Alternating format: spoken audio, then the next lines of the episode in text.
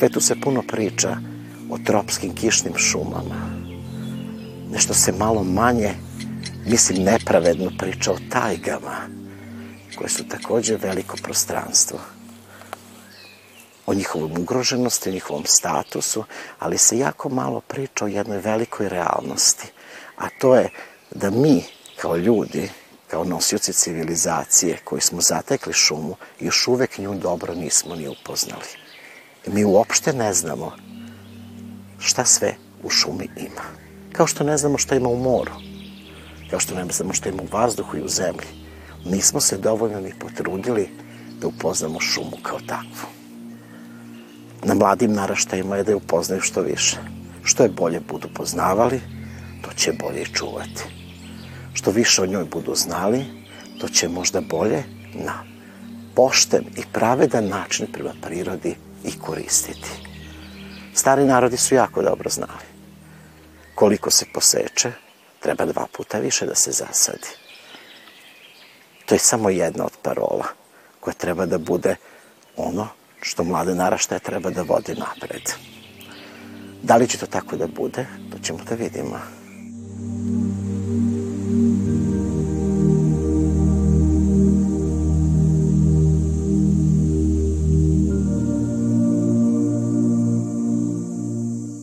Sama po sebi stvara, recimo, mikroklimu.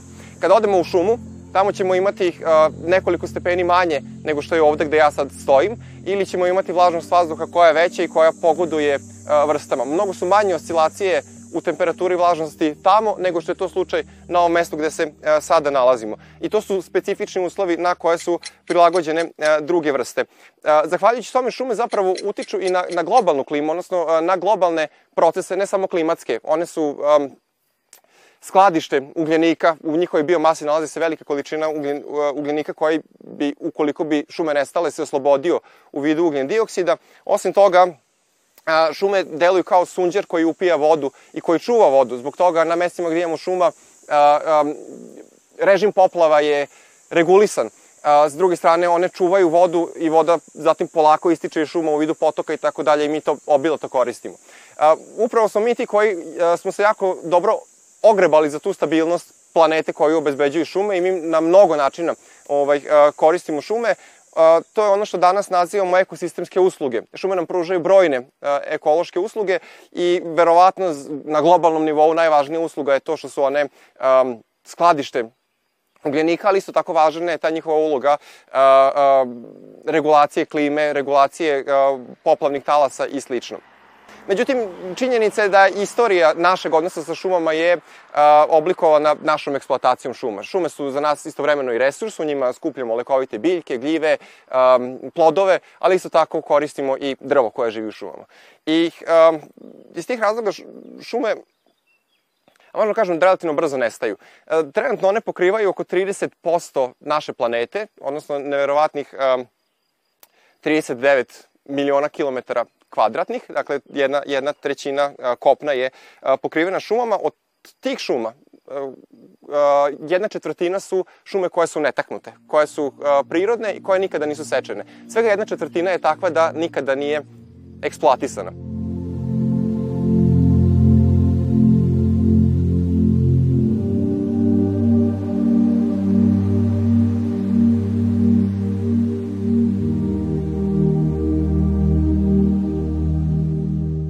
Jedne strane šume krčimo da bismo stvorili prostor za poljoprivredu, da bismo stvorili prostor za druge aktivnosti, rudarstvo, turizam, saobraćajnici i slično i one tu ustupaju mesto drugim površinama. Danas je neverovatno brza stopa deforestacije u zemljama kao što je Brazil, gde se stvaraju pašnici za, za, za goveda ili na Borneu i u Indoneziji zapravo, gde se stvara, stvara prostor za uljenu palmu. A, stvaraju se prostori za otvaranje ovaj, rudnika, odnosno za eksploataciju mineralnih sirovina. Uh, loše je da su šume isfragmentisane, odnosno izdeljene. Možda ovaj put koji se nalazi iza nas ne, ne, ne izgleda kao preveliki prostor koji devastira šumu, ali on je šumu podelio. Oko puta su se odjedno stvorila sasvim druga staništa koja su omogućila da u tu šumu, koja je neka vrsta tvrđave, ovaj, za vrste koje su na nju prilagođene, put je omogućio da u šumu prodru različite vrste biljaka i životinja koje tu ne pripadaju. I to možemo lako da vidimo kada se krećemo putem. To su vrste koje često nazivamo invazivne vrste, koje su poreklom sa drugih kontinenta ili iz nekog skroz drugog predela i koje remete taj kompleksni sistem. Dakle, šume su smanjile svoju površinu i izgubile su svoju kompaktnost. Svake godine poseče se oko 250.000 hektara šuma na globalnom nivou, što je otprilike četiri površine Srbije. To je ne, te šume nestaju zauvek.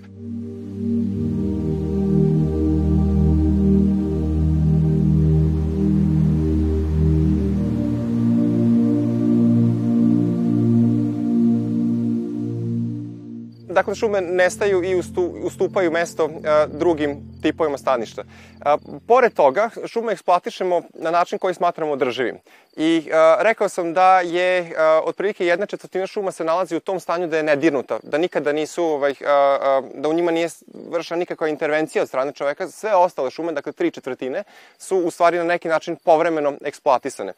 Ideja je da mi možemo da uzimamo određenu količinu drveta iz šuma, se, sečemo ih, jel da?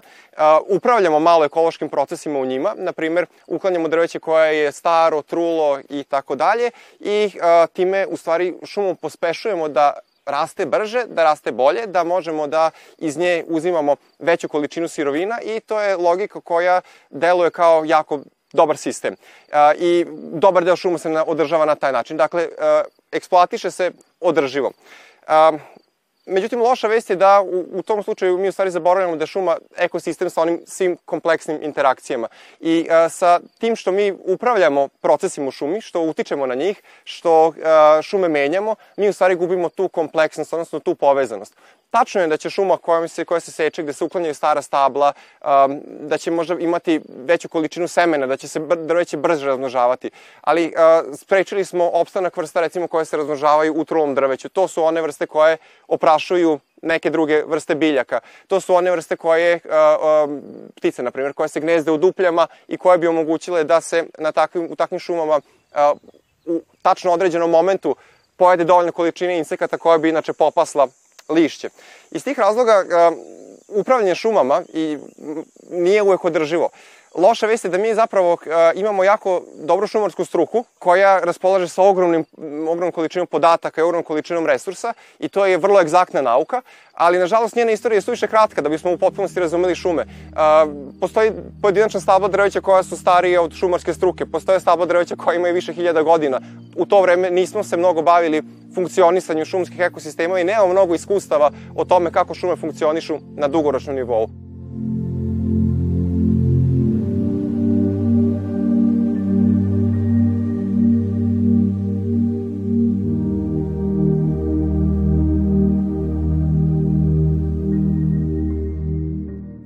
Se plašimo. Plašimo se vremena. Znate, čovek je biće koje je razvilo jednu veoma čudnu čudan način ponašanja u savremeno doba koje se zove humani egocentrizam. Mi sve računamo u odnosu na nas. Znači, mi kažemo zaštita životne sredine. A onda kažemo, znate, vazduh koji izdišemo je zagađen, voda koju pijemo je zagađena, imamo puno plastike, sve pričamo samo o nama. Nikada nismo u fokus zaštite stavili hrast. Zašto ga nismo stavili? I što nismo razmislili da, da od tog hrasta zavisi i vazduh koji dišemo, pa i životinje koje ovde cvrkuću i one koje možda ćemo sutradan imati na trpezi, jer je to deo života. Ja? I gljive koje će biti okolo, lekovite biljke koje ćemo skupiti okolo, šumske plodove koje ćemo pojesti i ne samo mi, nego i onih svi koji žive oko nas. Kada budemo tako razmišljali, onda se nećemo bojati drveta. A ja mislim da ga se bojimo. A bojimo ga se iz više razloga. Zato što je staro, puno pamti, puno zna, ne možemo bez njega, borimo se protiv njega načinima na koji to uobičajeno i radimo, a ono i dalje opstaje. Znači, to je jednostavno model psihološki, sociološki model ponašanja ljudi, da se bojimo. Pa ako pitate prvo komšiju, da li bi smeli da uđu potpuno sami, bez e, vodiča ili čuvara, Ajde, ovo je blizu puta, ali da uđe u mračnu i tamnu šumu, ajde da vidimo koliko njih bi smelo da uđe u mračnu i tamnu šumu ili da ih zadesi noć u šumi. Mi se u stvari toga bojimo. Bojimo se samo zato što ne poznajemo.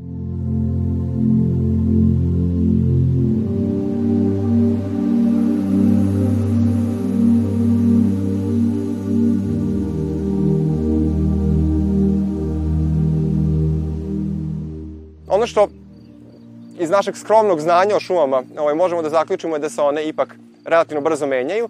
E sad, um, dokaz da je, da je upravljanje šumama i menjanje procesa u njima problem, čak i ako šuma kao takva fizički opstane, je to da uh, u šumama koje su pojednostavljene, na primjer plantažama drveća, um, ekološke štete koje nastaju usled nekog ekološkog poremećaja su daleko drastičnije nego u šumama koje su prirodne. Recimo, u kanadskim šumama uh, sve češće dolazi do invazije, ne samo kanadske, nego tim šuma tajgi gde, gde dominiraju čitinari i tamo dolazi do invazije um, insekata koji su štetočine šuma. Ti insekti su od uvek postojali u šumama, međutim, sada zbog promena globalne klime, češće, je, češće su zime suviše blage i potkornjaci uspevaju da se razmnožavaju do besvesti. Danas kada su šume jednostavne, kada u njima prevlađuje jedna vrsta drveta, kada nemamo dovoljno ptica koje bi doprinele ovaj, uništavanju tih štetočina na ekološki način i kada su te intimne interakcije između vrsta narušene, potkornjaci mogu da se razmnožavaju eksplozivno i dovode do nestajanja velikih površina pod šumama. Sličan efekt mogu imati klimatske promene, sličan efekt mogu imati ekstremni vremenski događaji kao što su, na primer, jako snažne kiše ili jako snažni vetrovi i slično. Takve primere možemo da vidimo i kod nas. Možda nisu drastični kao u sibirskim ili kanadskim šumama gde se dešavaju na ogromnoj površini i gde zbog toga izazivaju zabrinutost kod stručnjaka i kod um, stručnjaka iz svih oblasti, ne samo iz ekološke, biološke struke, ovaj, ali, kažem, takvi procesi nažalost, dešavaju i u, i u našim e, sredinama i ponovo loša vest je što mi dosta teško detektujemo takve promene. Nama šuma deluje kao šuma, deluje idilično sa mnogo drveća, lišća, deluje raspevano, u njoj su ptice i slično, međutim, mi često ne možemo da vidimo u kom pravcu ide taj ekosistem.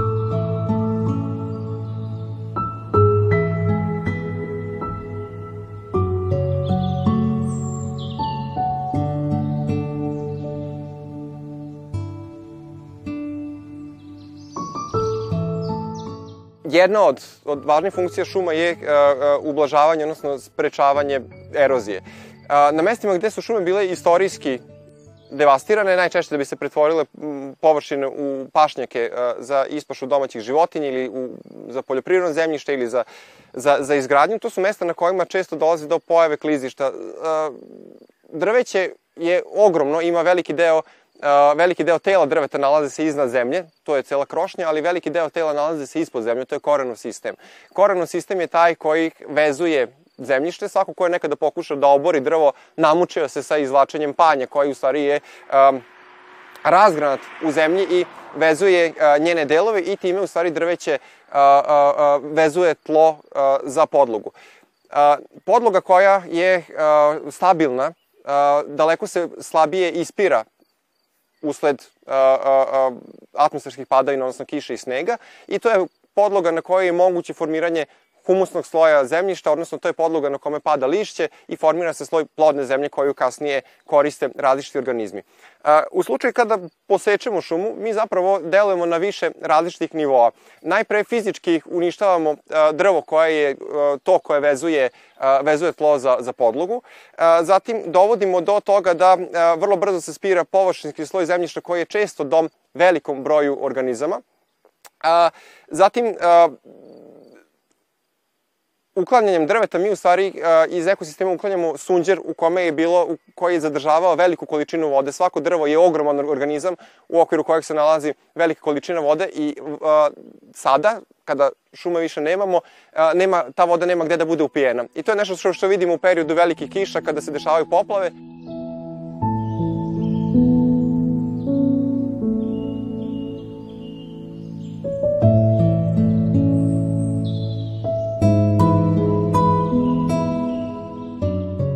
Još jedna važna stvar je da um, uništavanjem šuma Uh, uništavaju se i zajednice koje mi ne vidimo, posebno one koje se nalaze ispod tla, one se manje više trajno menjaju i potrebno je jako, jako dug period da se one obnove. Um, obnova šuma je enormno teška.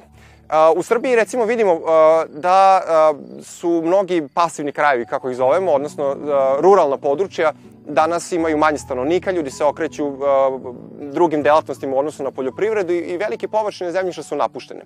I sad nama to deluje kao mesto gde bi se šuma mogla obnoviti. I zaista na mestima koja su ljudi napustili dešavaju se brze promene u zajednicama. Livade će brzo zarasti u neko žbunje ili, ili brzo će preći u drugi tip staništa.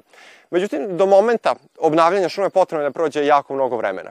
Odnosno, od momenta kada će nekadašnja šuma koja je pretvorena u pašnjak ili koja je pretvorena u baštu, do momenta kada će ponovo postati šuma sa svim svojim kompleksnim interakcijama, gljivama, bubama, biljnim vrstama i tako dalje, potrebno je da prođe više stotina godina. Vrlo brzo će to područje nama delovati kao zeleno. Ono će biti obraslo različitim vrstama žbunja i slično, ali ono što moramo da znamo da su to vrste koje su u stvari a, najbrži pioniri, odnosno najbrže a, osvajaju nova mesta. A, u njihovim zajednicama interakcije su daleko manje kompleksne, a sa druge strane one su te koje usporavaju kasnije obnovu prirodne nekadašnje šume, a, dovoljno je da uđemo u neku, ne, neku šikaru u kojoj je, ne znam, glog ili u kojoj je trnjine ili u kojoj je bagrem i onda ćemo vidjeti koliko je teško na tom mestu drvetu da narasta, ono nema dovoljno svetlosti, neke od tih biljaka imaju čak i sposobnost da se bore sa kompetitorima, ispuštaju u zemljište različite hemikalije koje ovaj, a, a, a, ne dozvoljavaju drugim vrstama da rastu, tako da a, a, obnova te zajednice se dodatno jako usporava.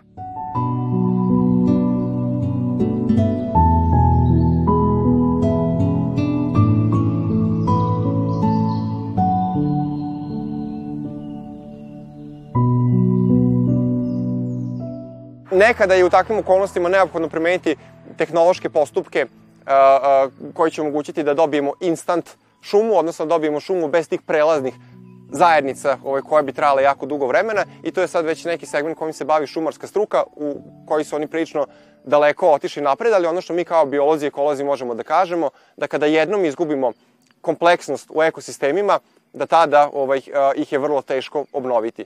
To je posebno važno iz razloga što pojedini ekosistemi zahtevaju određenu veličinu da bi funkcionisali. Nekada su, su delovi šume koji su preostali suviše mali da bi u njima imali očuvane sve ekološke procese. Na primjer, ako je šuma suviše isfragmentisana, ako su, ako su fragmenti suviše malih dimenzija, u njima će biti previše mali broj cvetova kojima bi se hranili oprašivači koji su neophodni za oprašivanje biljaka. Oni će nestati odatle. Ukoliko u njima nema dovoljno hrane, iz njih će nestati vrste koje su ključne za obnavljanje šume. Na primer, hrast je biljka koja izbacuje žirove, razmnožava se žirovima, ali važnu ulogu u tom procesu imaju životinje koje um, zakopavaju žirove, veverica ili sojka ptica, jel? Oni skupljaju žirove i skladište ih za nepovoljni period za zimu, one ih zakopavaju pod zemlju deo toga oni zaborave gde se nalazi i iz dela tog, tih žirova u stvari kasnije niču mladi hrastovi koji imaju bolje šanse od onih koji su samo pali na zemlju i koje je prekrilo lišće. Divlje svinje su te koje jedu žirove, ali isto tako one su važne zbog toga što one riju zemlju i onda prekrivaju jedan deo plodova koji onda ostaje sačuvan. Tako da, ponovo, kada se takve ovaj, intimne interakcije, odnosno intimni odnosi između vrsta koje žive, žive u šumama kada se naruše, vrlo ih je teško ovaj, a, obnoviti i vrlo teško na, napraviti nanovo taj važan ekosistem.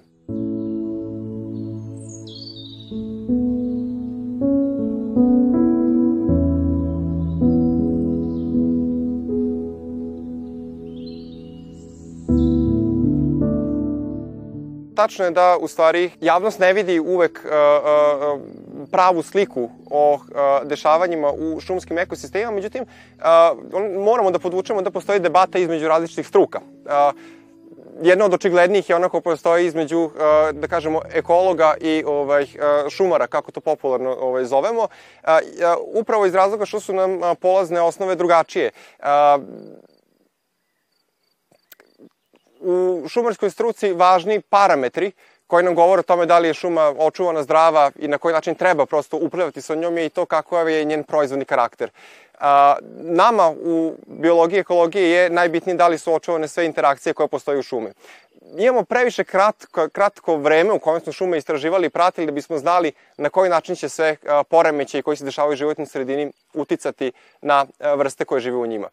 Naprimjer, one severnoameričke sekvoje one, e, to stabla u njihovim šumama imaju e, često i po više od hiljadu godina. Danas vidimo da mnogo od tih stabala pokazuju znake bolesti, odnosno pokazuju znake e, nekih ekoloških reakcija na promene koje nisu očekivane. I nije u potpunosti jasno da li je to posledica promena, recimo, klime ili nečega što, što, što uopšte nema veze sa upravljanjem tim šumama ili je to delimično uslovljeno time što su te šume um, korišćene, odnosno delimično narušene. To je nešto što još uvek ne znamo. Verovatno je neki recept za, za upravljanje šumama to da postoji a, konstantna debata, da postoji konstantno informisanje, da postoji konstantna edukacija, jer ostalo nam je još mnogo toga da, da naučimo.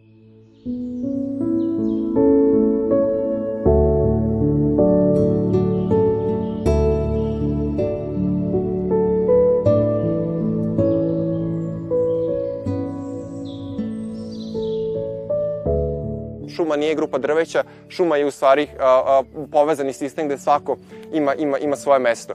Um, vrlo je verovatno da ćemo kao čovečanstvo uh, uh, morati ozbiljno da se pozabavimo pitanjem očuvanja šuma i očuvanje šuma je jedan od najvećih izazova koji nam slede iz tih razloga danas uh, uh, su na delu razne globalne strategije koje imaju za cilj da se šume očuvaju i um,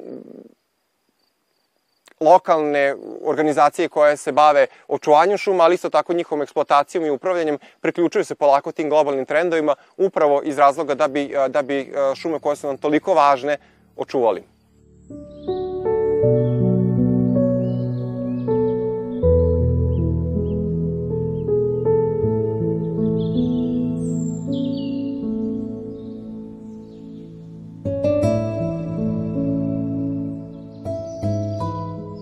Ono što bih podvukao jeste odgovornost ljudi kao grupe, kao živih bića, od vremena kada su se pojavili na planeti do danas, kako su se odnosili prema tom gigantu ekosistema koji se zove šuma.